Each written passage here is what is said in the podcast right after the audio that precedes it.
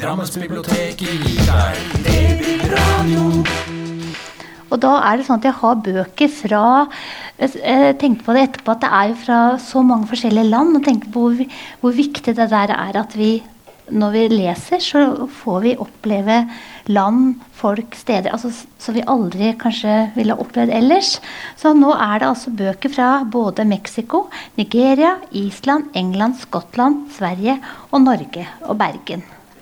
Så det syns jeg Da er vi ute på reise. Og da begynner jeg med denne her, som er fra Argentina. Den heter 'Jordmunn'. Og det tror jeg er en av de mest spesielle bøkene jeg har lest på en god stund. Da blir vi altså øh, Jo, først skal jeg si litt om forfatteren Dolores Reis. Er argentinsk forfatter. Hun er barneskolelærer, og hun er aktivist fra Buenos Aires. For mange argentinere de søker hjelp fra synske i uløste forsyningssaker. Denne boka her, den er tilegna Melina Romero og Araceli Ranos. Og Det er to tenåringsjenter som ble funnet drept i en forstad til Buenos Aires. Og I denne boka her så blir vi da kjent med ei navnløs tenåringsjente. Uh, og hun er da fortellingens hovedperson. Eller hun er fortellingens jeg-person, blir det. Hun bor i fattigkvartalet i Buenos Aires. Moren er nylig død. Faren han er forsvunnet. Og så er det hun og broren, storebroren Walter som passer på henne, og som har en jobb som kan forsørge dem. Og på forunderlig vis så oppdager denne jenta at når hun spiser jord Det høres så helt utrolig ut, men hun spiser da jord. Og fra det stedet hvor moren hadde vært da, før hun døde. Og da får hun kontakt med henne. Får, får kontakt med den døde moren. Og denne her opplevelsen er jo skjellsettende for henne. For folk forsvinner stadig vekk i denne her eh, storbyen. Og mange blir funnet drept. Og det ryktes at jenta har denne her egenskapen at hun kan få kontakt med det døde. Så, hun, så de kommer til henne med jord fra steder der deres kjære har vært, deres kjære som har forsvunnet. Da. Som de vil så gjerne at hun skal prøve å finne ut hvor er de, hva har skjedd. Og det blir farlig, for hun kan se de som er drept. Og hun kan også se hvem som, eh, som Altså hun kan utpeke morderen. Eh, så hun blir kjent igjen, og hun blir trua på livet. Og det hun ser, det er eh, skremmende, og det er vondt. Og hun er jo da veldig nær andres sorg, og hun er veldig nær døden hele tida. Og mange er redde henne, men de trenger henne samtidig så desperat etter, på jakten etter de som er forsvunnet. Så kommer de til henne da, med jord. Eh, de har ofte jord i flasker som hun skal spise. Det høres, men sånn er det, og de tror på det, og de kommer til henne. Og så kommer Esekiel, og hans kus, kusine er forsvunnet. Han er selv politimann, men han klarer ikke finne ut av hvor kusinen er, eller hva som har skjedd. Alle som leter, er alene, sier Esekiel. Og Esekiel og jenta de finner hverandre i jakta på svar. Og deres forhold tenker jeg i grunnen er en, egentlig en historie for seg sjøl. Eh, og de merkeligste ting skjer her. Jenta har de forferdeligste syn, men hun kan også kjenne på en ro når hun kan hjelpe mennesker med å finne svar, få fred på en eller annen måte. Og Forfatteren av denne her, eh, boka hun forteller i et intervju at synske eh, helbredere og sjamaner er noe de fleste argentinere forholder seg til i hverdagen. Det overnaturlige og det virkelige er ikke separate dimensjoner for argentinerne. Det går liksom over i hverandre. Forfatteren sier også at hun har prøvd å fange tonen og språket de unge har på skolen. Mange av elevene som har lest boka, har blitt overraska over innholdet. Det finnes ikke bokhandlere eller bibliotek der de bor. Bøkene de leser på skolen, handler ofte om virkeligheter som er fjerne fra deres egne. Og denne boka viser deres realitet, og de snakker deres språk. Og Forfatteren sier at romanen viser at barn er motstandsdyktige. De finner nye familier i søsken og venner når foreldrene forsvinner. De skaper en verden som ikke har noe med de voksne å gjøre. Så her er det altså både magi, mystikk og brutal virkelighet. Det er brutale drap, og det er rørende omsorg. Og det er en fortelling man får jordsmak i munnen av og kjenner helt på da eh, livets brutalitet og dette behovet for å fjerne seg fra virkeligheten. Uh, for å drømme seg bort og så tro på noe bortenfor smerten. Så det er jordmunn. Og så drar vi til Sverige. Og der er denne her Alex Schulman. Han er uh, både journalist og en kjent forfatter i uh, i Sverige, han Alex Schulman. Handlinga i denne boka den foregår på et lite torp et sted i Sverige. Det ligger ensomt til ved en mørk og dyp innsjø og med en stor skog bak. Og når boka starter, så sitter det tre brødre på trappa til det vesle huset. Tre voksne menn nå. De er blodige og forslåtte. De har røket uklare og har begynt å slåss. Det ble så ille at den ene broren måtte tilkalle politiet. Og de har jo da opprinnelig kommet hit for å spre morens aske utover vannet. Men eh, også hva er det som utløser denne her voldsomme krangelen? Og da går vi altså tilbake i tid og til barndommen til disse tre brødrene. Og da, da alt starta. Barndomssomrene på dette her veldig idylliske stedet. Men idyllen den var bare utapå. Den mellomste broren, det er Benjamin, som forteller deres historie. Og i, de, i, han, i, deres barndom så er det alltid en sånn spenning i lufta. Benjamin han er veldig følsom og værer fort da stemningen mellom foreldrene. Han kan forutse krangler og uoverensstemmelser mellom familiemedlemmene lenge før de faktisk inntreffer. Det er fryktelig slitsomt å være et barn når alt er så utrygt. Brått kan humøret svinge. Det er særlig moren da, som har sånne humørsvingninger. Og, og, hun kan bli rasende for bagateller helt ut av det blå. Morens oppdragelse den var streng og regelstyrt, og samtidig helt uten regler. Hun var hard, men utydelig. Benjamin visste inderlig godt at det var farlig når moren var sint og han var aleine med henne. Og det går det er sånn at det går ilinger av uhygge gjennom meg når jeg leser dette her. Men så finnes det her, også her gode øyeblikk da, i denne barndommen. Moren som leser høyt. Det er jakten på nylagte egg som små skatter som de må ut og leite etter. Og faren som setter over eggvann, og alle som gleder seg til det. At de skal spise disse her nylagte eggene. Sånne fine stunder gjør Benjamin rolig. Lyse stunder der han kan puste ut inni de, sier han. Men foreldrene de drikker, de krangler. Moren er uberegnelig, og faren han prøver hele tida å roe ned. Han er ivrig og klønete i sine forsøk på det, å få moren i bedre humør. Det er som om de vakler på glasskår alle sammen. De, men de tre brødrene de har liksom ulike måter å takle det her på. Lillebroren han prøver å lure seg unna. Han er litt sånn innfugl. Storebroren lukker seg helt inni seg sjøl og holder seg for seg sjøl. Og Benjamin han tar liksom alt inn. Uh, og så finner brødrene de svakeste punktene hos hverandre og bruker det for alt det er verdt når de føler seg urettferdig behandla eller er i en krangel. Og Det er veldig intenst og sanselig beskrevet, dette her. Og forfatteren er helt altså, veldig tett på disse karakterene og på naturen rundt dem. For eksempel her det var smørblomster overalt. De lyste som matte lamper i skumringen. Sommernatta var kjølig. Gresset hadde blitt fuktig. Og Som lesere kan vi også kjenne det, at det her er en sånn magisk sommernatt de er i. Men hele tida lurer noe i bakgrunnen. En forutdannelse om noe ingenting fint kan vare. Og så bygger det seg opp en sånn spenning hele boka gjennom.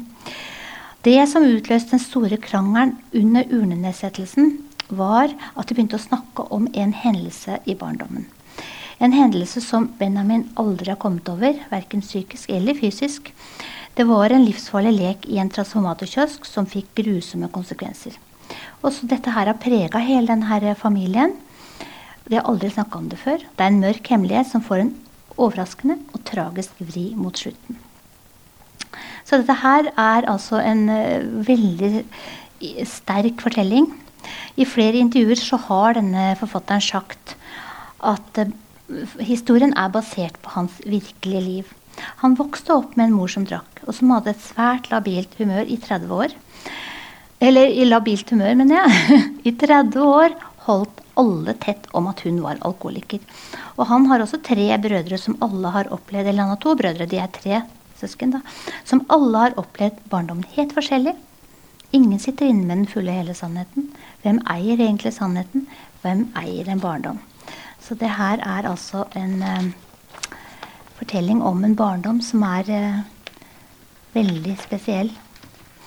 Så, jeg, så, reiser vi da til Nigeria og til Jeg skal prøve å si navnet på forfatteren. Shimam, Shimamda Ngozi Adichie. Det er sikkert ikke riktig sagt.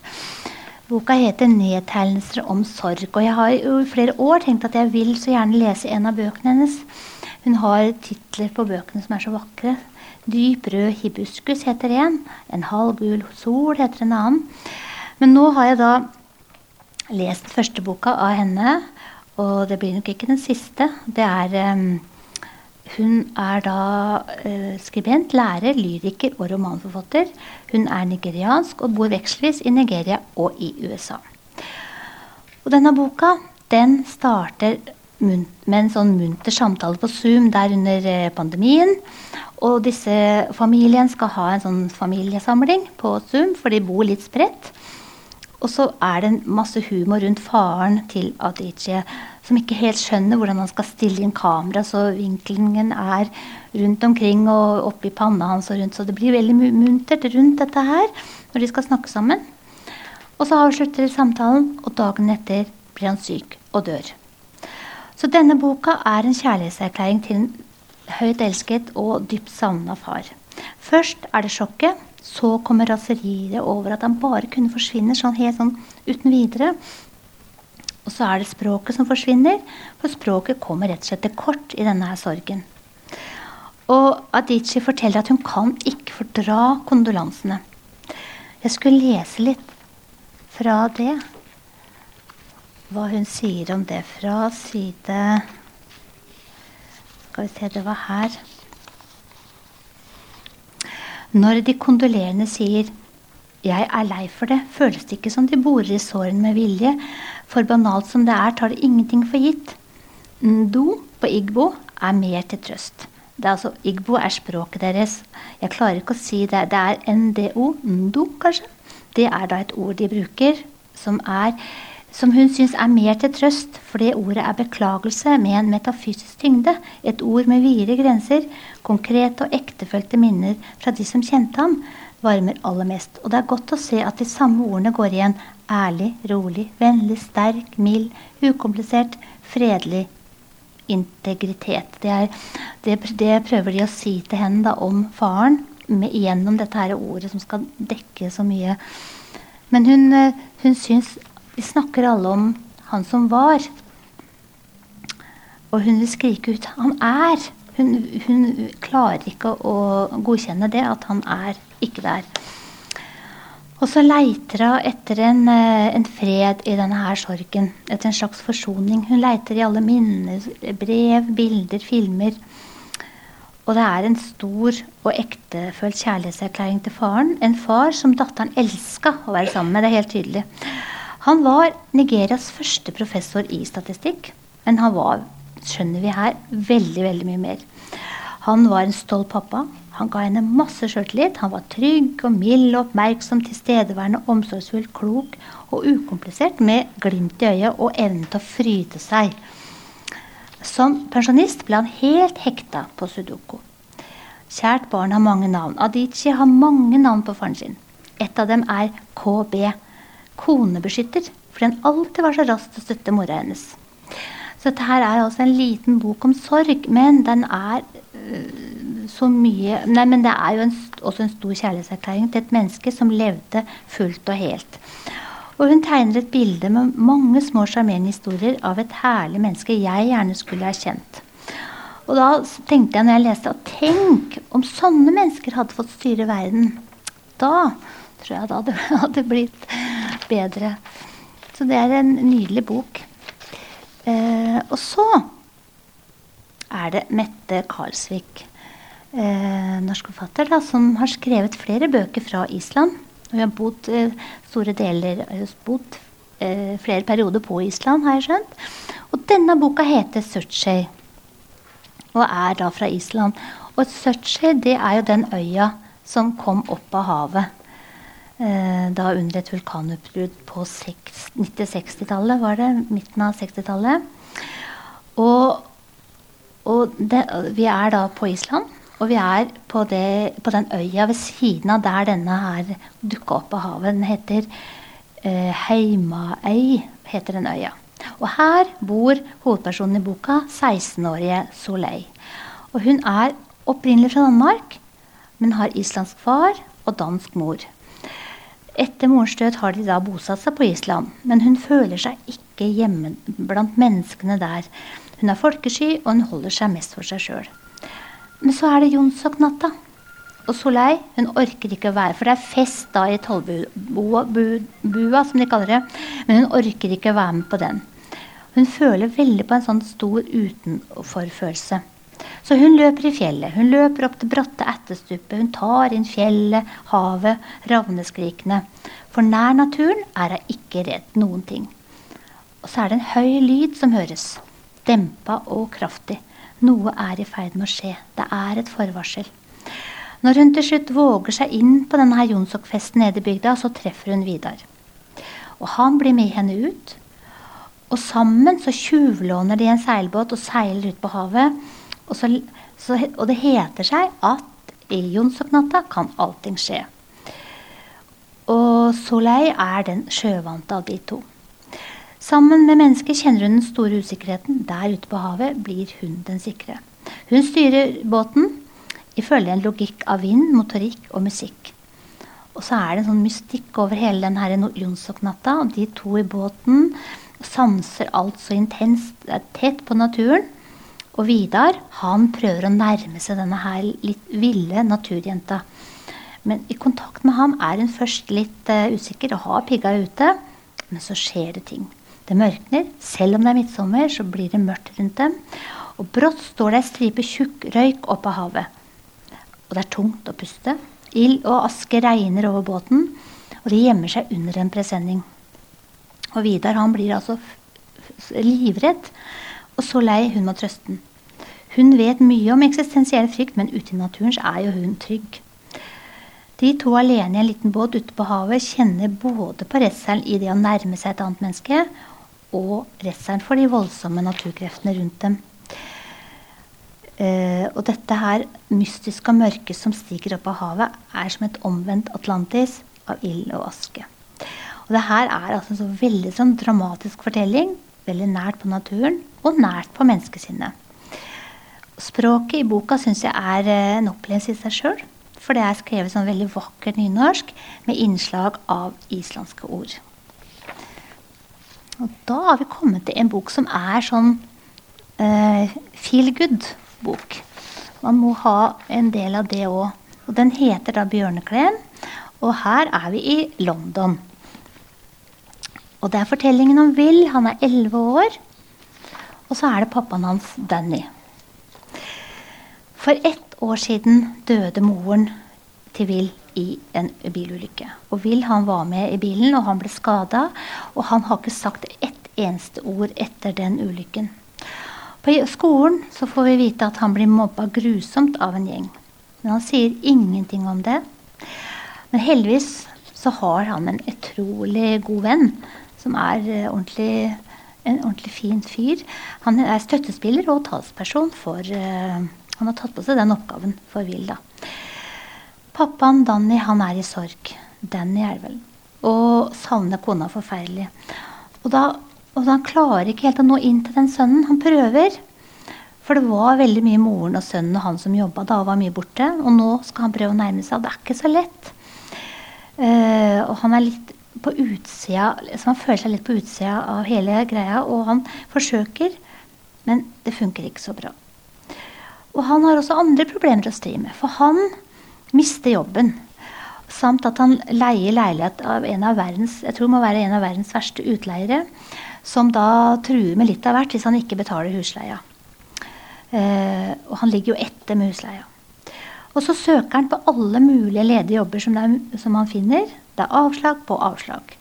Overfor sønnen så later han som han går på jobb hver dag. Men han er jo da bare ute på leit etter jobb. Også på sine vandring rundt i byen så oppdager han disse her gateartistene som står i parken og underholder.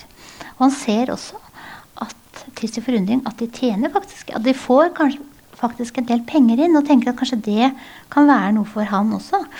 Så går han til en sånn veldig luguber, luguber eh, kostymebutikk og kjøper seg det billigste kostymet de har, og det er panda, et pandabjørnkostyme.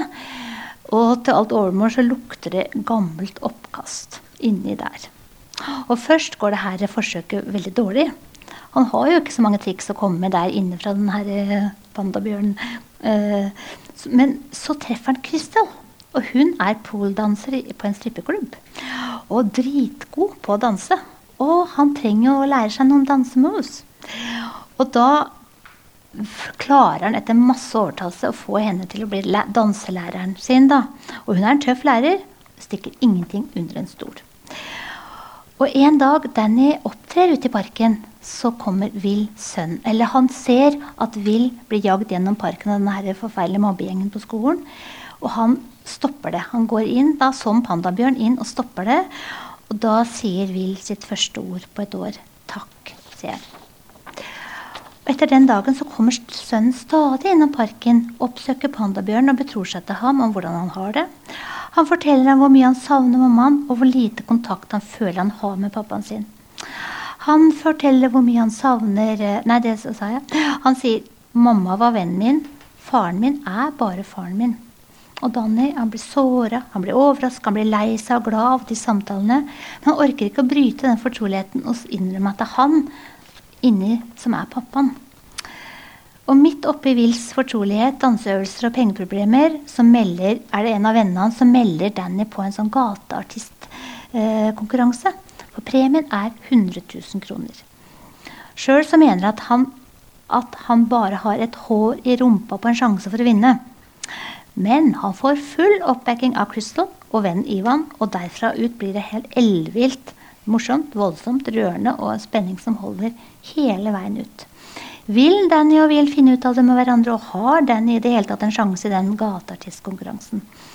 Dette syns jeg var en veldig sånn feel good-fortelling på sitt beste. Og så tok, så, det, så tok jeg med Shuggy Bain, men jeg er sikker på at Er det mange av dere som har lest Shuggy Bane? Er det ikke? Nei, for jeg skulle lest den når den kom i fjor, men vi fikk ikke gjort det. Så nå har jeg hørt den på lydbok. Og den er jo som Sindre Hovdenak i VG skrev da han kom ut i fjor, så skrev han eh, dette eh, er en knyttneve av en roman. Og det er det jo. Den går rett inn. Og, og vi er da i Glasgow. 1980-tallet, rundt der, litt framover fra 1980 oppover litt. Og det er en av de grusomste historiene jeg har lest, særlig om mobbing og forsømmelse av et barn. Sjøki, hovedpersonen her, han plages av alle. De skitne naboungene og ungene på skolen. De håner, trakasserer ham, kaller ham for homo. Og Sjøki han har kommet flyttende med moren og de to eldre søsknene til et fattigslig strøk, arbeiderstrøk i Glasgow. Den notorisk utro faren har eh, nylig forlatt dem, og han har tråkka på, mishandla og ydmyka den moren deres gjennom mange år. moren, Agnes Bay, Bain, hun prøver liksom å reise seg etter disse ydmykelsene sine liksom etter å bli forlatt. Og da er det sånn at hun tar alltid på seg pen kåpe, hun grer håret, hun retter seg opp, og hun går ut og hilser til eh, alle nabokjerringene. Holder på fasaden men hun ligger under for alkoholen. Hun har blitt tråkka på så mange ganger og har stadige nedturer. Og rundt henne er alle de her sladrekjerringene. De er helt grusomt skildra. Det er ikke mye samhold i den gjengen. De smigrer seg til fordeler, de konkurrerer og rakker ned på hverandre. Og det er stygt og ondskapsfullt. Og grå blir tilværelsen beskrevet. Skitne unger, arbeidsløse menn, alkoholisme og håpløshet. Og så er det den der evinnelige sladderen og skittkastinga både blant barna og de voksne. Agnes Bein hun var kjent for å være vakker. Like vakker som Liz Taylor. Men alkoholen er nå da i ferd med å ødelegge helt. Og så er det Shuggy, da, som viser en sånn veldig rørende omsorg til mora si. Og han passer på henne hele tida. Og så klarer hun på et tidspunkt her å stable seg litt på beina. Hun går på AA, tar et kurs der, anonyme alkoholiker, altså, og får seg en jobb. Og da er det hun møter han de kaller Oksen. En storvokst, rødhåra kar som virker stødig og snill. Men Agnes vakler på en skjør, skjør knivsegg. For det er så lett å falle utpå. Og behovet hennes for å bli sett og elska er så stort. Og fallet går så dypt ned når hun uh, blir svikta. Men hvem passer på sjuke, da? Og som leser så blir jeg altså så redd for at noen skal skjære seg igjen, og at skjøgget ikke blir sett. For skjøgget han er ikke som andre. Han er veldig veslevoksen. Det har han jo blitt, for han har et stort ansvar. Han liker ikke fotball og ikke slåsskamper som de andre gutta. Han liker å leke med dokker, og han liker å danse. Og så minner han Skjøgget minner meg veldig om den, Det var en film for noen år siden som het Billy Elliot. Og det, han hovedpersonen der, han ville jo bli ballettdanser. Han var, var, jo oppvokst i samme strøk omtrent, et sånt arbeider, fattig arbeiderstrøk, han òg. Faren var en tøff sånn som ville at han skulle bli bokser, men han ville bli ballettdanser. Og sånn føler jeg litt Shuggy er litt sånn som Billy Elliot. Uh, han er et lett offer for mobbegjengen og sladrekjerringene og andre som vil misbruke og tråkke på folk. Så dette her er jo da en sår hjerter og fortelling med mye håpløshet i. Men samtidig så klarer han å beskrive den herre oppholdelsesdriften som noen mennesker har i seg uansett og tross alt. Og så er den altså så fabelaktig godt skrevet. Disse her miljø- og personskildringene graver så dypt og gir gåsehud og hjertebank. Forfatteren er sjøl fra, fra, Glasgow. Og faren forlot, han, uh, forlot familien da han var barn, og moren slet med alkoholproblemer. Så han han uh, har kjent på kroppen akkurat det han skriver om. Så jeg tenkte jeg skulle bare lese uh, litt som sto her bakpå.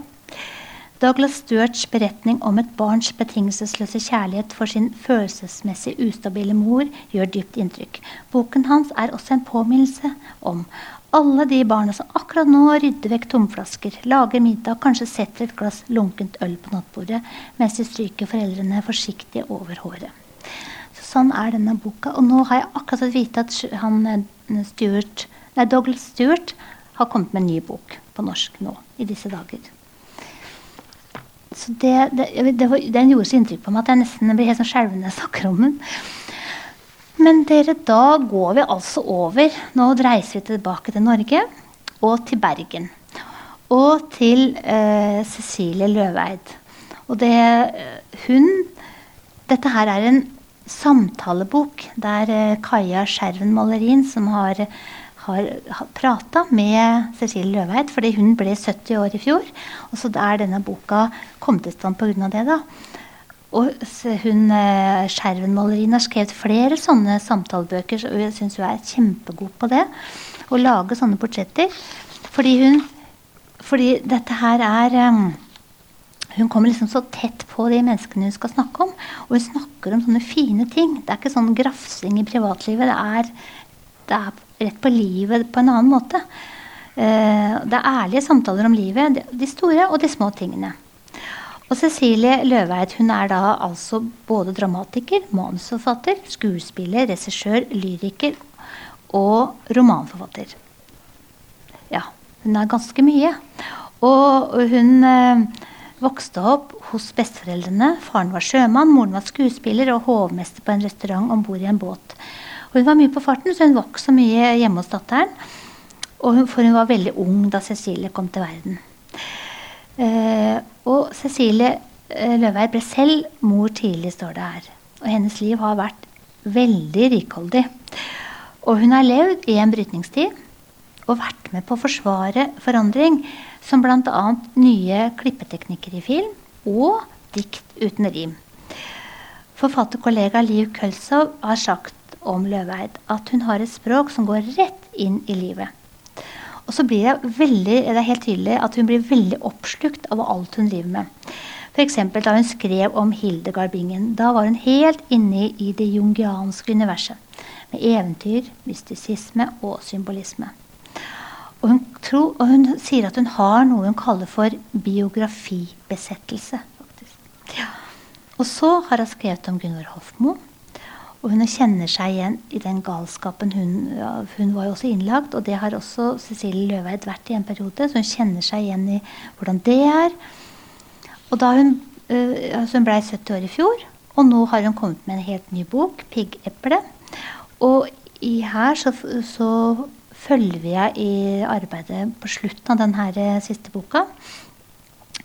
Og hun sier at eh, arbeidet med denne boka har vært en ny vending i forfatterskapet. Kanskje begynnelsen på en ny eh, type serie, som hun sier. Så hun er helt er klar for noe nytt og for forandring. Alt er mulig i hennes liv, kan det virke som. Og hun sier at hun skriver på sin skruddhet. Og i den ligger det mye fantasi. Og jeg syns uh, det er så fint som sitat Jon Berger, John Berger, Jon Berger uh, har her, som kan være en sånn ledetråd gjennom forfatterskapet til Løveid. En fortelling er alltid en redningsaksjon. hun bor altså i gamle Bergen. Og jeg var akkurat der i ikke, Jeg så ikke huset hennes, men jeg, var, vandra rundt i gamle Bergen nå i februar. Og det er et kjempesjarmerende sted da, med mye historie rundt i veggene der. Og med utsikt utover Vågen. Og jeg tenker det må være innmari inspirerende å bo akkurat der. Og så Lyrikeren Cecilie Løveid sier om eh, poesi Hun mener at gleden ved poesi består i å se i en hun kaller Pippi-forstand som å være en tingleter eller ordleter i en filosofisk, erkjennelsesmessig forstand. Alle dikt har sitt mysterium. Ting kommer ofte til en på mystisk vis. Det må ikke gå opp som et regnestykke. Det må heller ha et svimlende dyp eller en kollaps. Så det hun har altså, der, Den boka var veldig morsom å lese.